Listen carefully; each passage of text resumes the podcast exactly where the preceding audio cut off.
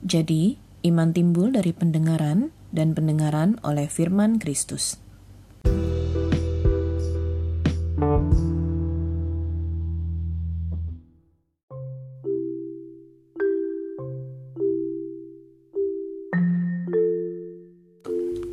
Menjadi pengikut Kristus bukanlah sebuah perkara yang mudah bagi manusia.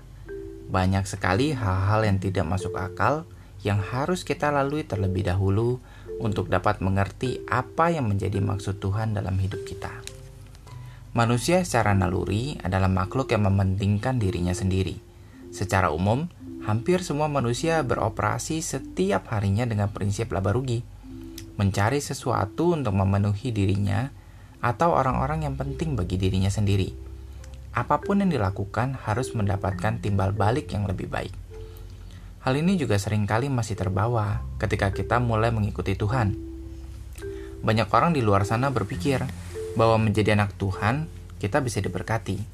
Berpikir bahwa dengan membawa persepuluhan ke Tuhan, kita bisa makin kaya. Berpikir bahwa ketika kita datang ke komsel, usaha kita makin diberkati, keluarga kita bisa pulih, kita bisa mendapat calon pasangan yang baik, dan banyak sekali harapan-harapan lainnya. Sayangnya, sering kali cara dan waktu Tuhan bekerja tidak sama dengan ekspektasi yang kita miliki. Hal ini yang kemudian banyak membuat orang Kristen menjadi tawar hati terhadap Tuhan, menjadi kecewa karena doa-doanya tidak dijawab, dan menjadi iri akan orang-orang diberkati oleh Tuhan dan bertanya-tanya, mengapa Tuhan berlaku tidak adil kepada mereka.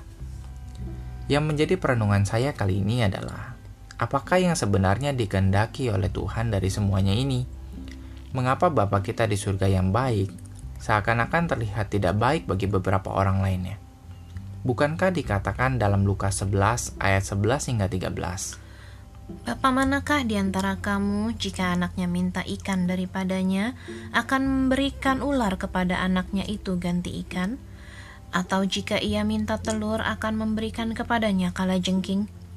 Jadi, jika kamu yang jahat tahu memberi pemberian yang baik kepada anak-anakmu, apalagi Bapamu yang di sorga, ia akan memberikan roh kudus kepada mereka yang meminta kepadanya.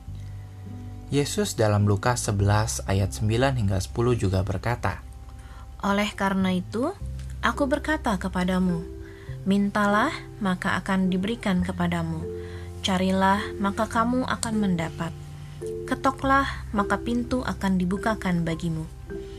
Karena setiap orang yang meminta menerima, dan setiap orang yang mencari mendapat, dan setiap orang yang mengetuk baginya pintu dibukakan. Selain itu, masih banyak sekali ayat-ayat Alkitab lainnya yang menyuarakan hal yang sama tentang bagaimana Tuhan akan menjawab setiap permintaan dari anak-anaknya. Apakah Tuhan kontradiktif terhadap apa yang sudah ia katakan? Sekali-kali tidak. Bagi saya pribadi, Tuhan Yesus turun ke dunia selain untuk menyelamatkan saya orang berdosa, ia juga datang untuk menjadi guru dan memberi teladan atas apa yang harus kita lakukan di dunia.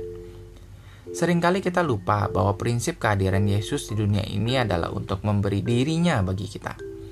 Ia datang supaya kita mempunyai hidup dan mempunyainya dalam segala kelimpahan.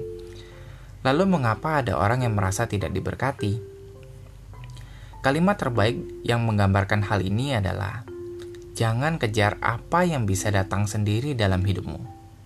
Betul, Tuhan mau dan mampu memberkati anak-anaknya tetapi jauh sebelum kita berbicara tentang berkat, pertanyaan pertama yang harus kita jawab adalah, apakah kita sesungguhnya sudah benar-benar merupakan anaknya? Atau hanya kita saja yang mengaku-ngaku bahwa kita adalah anaknya, sedangkan ia sesungguhnya tidak mengenal kita. Seperti apa yang Yesus katakan dalam Matius 7 ayat 22 hingga 23.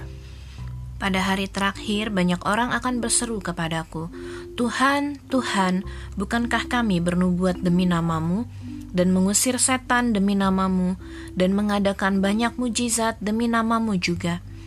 Pada waktu itulah aku akan berterus terang kepada mereka dan berkata, "Aku tidak pernah mengenal kamu. Enyahlah daripadaku kamu sekalian pembuat kejahatan." Selain itu, saya melihat bahwa banyak sekali kesalahpahaman tentang berkat. Hampir rata-rata orang melihat berkat dari sisi materi, Padahal, waktu, kesehatan, kebahagiaan, orang-orang yang mengasihi kita, dan keselamatan yang Tuhan anugerahkan adalah berkat yang jauh lebih tinggi nilainya daripada materi. Bahkan yang paling mahal nilainya adalah waktu. Waktu bisa kita tukar dengan uang. Tapi apakah uang yang kita miliki bisa membeli waktu? Lalu, apakah kita juga sadar meskipun kasih Tuhan diberikan kepada kita secara cuma cuma tanpa bersyarat, namun berkat Tuhan ada syaratnya loh. Tahu dari mana?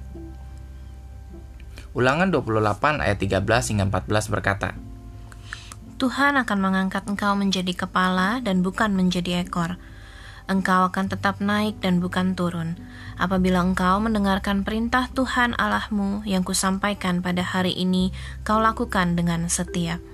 Dan apabila engkau tidak menyimpang ke kanan atau ke kiri dari segala perintah yang kuberikan kepadamu pada hari ini, dengan mengikuti Allah lain dan beribadah kepadanya. Inilah syarat pertama untuk Tuhan melepaskan berkat bagi kita, yaitu kita harus taat dan setia kepadanya. Lalu ada syarat kedua, yaitu apakah kita sudah siap? Perlu kita ingat, seperti yang dikatakan sebelumnya bahwa Tuhan tidak akan memberi ular ganti ikan bagi anak-anaknya, ia tidak akan sekali-kali memberikan sesuatu yang akan berdampak buruk bagi kita pada akhirnya. Hal ini pernah Yesus sampaikan melalui perumpamaan tentang dua macam dasar pada Matius 7 ayat 24 hingga 27. Setiap orang yang mendengar perkataanku ini dan melakukannya, ia sama dengan orang yang bijaksana yang mendirikan rumahnya di atas batu. Kemudian turunlah hujan dan datanglah banjir, lalu angin melanda rumah itu. Tetapi rumah itu tidak rubuh sebab didirikan di atas batu. Tetapi setiap orang yang mendengar perkataanku ini dan tidak melakukannya, ia sama dengan orang yang bodoh, yang mendirikan rumahnya di atas pasir. Kemudian turunlah hujan dan datanglah banjir, lalu angin melanda rumah itu, sehingga rubuhlah rumah itu dan hebatlah kerusakannya. Hujan dapat diibaratkan sebagai berkat, dan banjir adalah berkat yang begitu melimpah hingga sulit dikelola. Ketika kita berharap menerima berkat, kita perlu memastikan bahwa berkat yang kita minta tidak justru merusakkan kehidupan kita. Karena ketika berkat dicurahkan bagi orang-orang yang tidak sungguh-sungguh melekat kepada Tuhan dan meletakkan hidupnya pada dasar yang tidak tepat, rubuhlah hidupnya itu dan hebatlah kerusakannya. Jadi bukan karena kita membayar perpuluhanlah kita diberkati, bukan karena persembahan yang besar jumlahnya kita diberkati. Tapi apakah kita sungguh-sungguh bersikap yang layak untuk menjadi anaknya yaitu dengan tulus dan taat melakukan semua kehendak Bapa kita di surga, maka genaplah firman Tuhan dalam Matius 6 ayat 33. Tetapi carilah dahulu kerajaan Allah dan kebenarannya, maka semuanya itu akan ditambahkan kepadamu. Saya berdoa supaya kita semua bisa berfokus untuk mengerti dan melakukan apa yang menjadi kehendak Bapa dibandingkan banyak memikirkan tentang apa yang bisa Bapa berikan kepada kita. Jangan kita malah menjadi seperti si anak bungsu yang terhilang, yang menuntut bagian harta yang dianggap menjadi miliknya dari bapaknya, hanya untuk jatuh ke dalam kesusahan di masa depannya. Tuhan Yesus memberkati.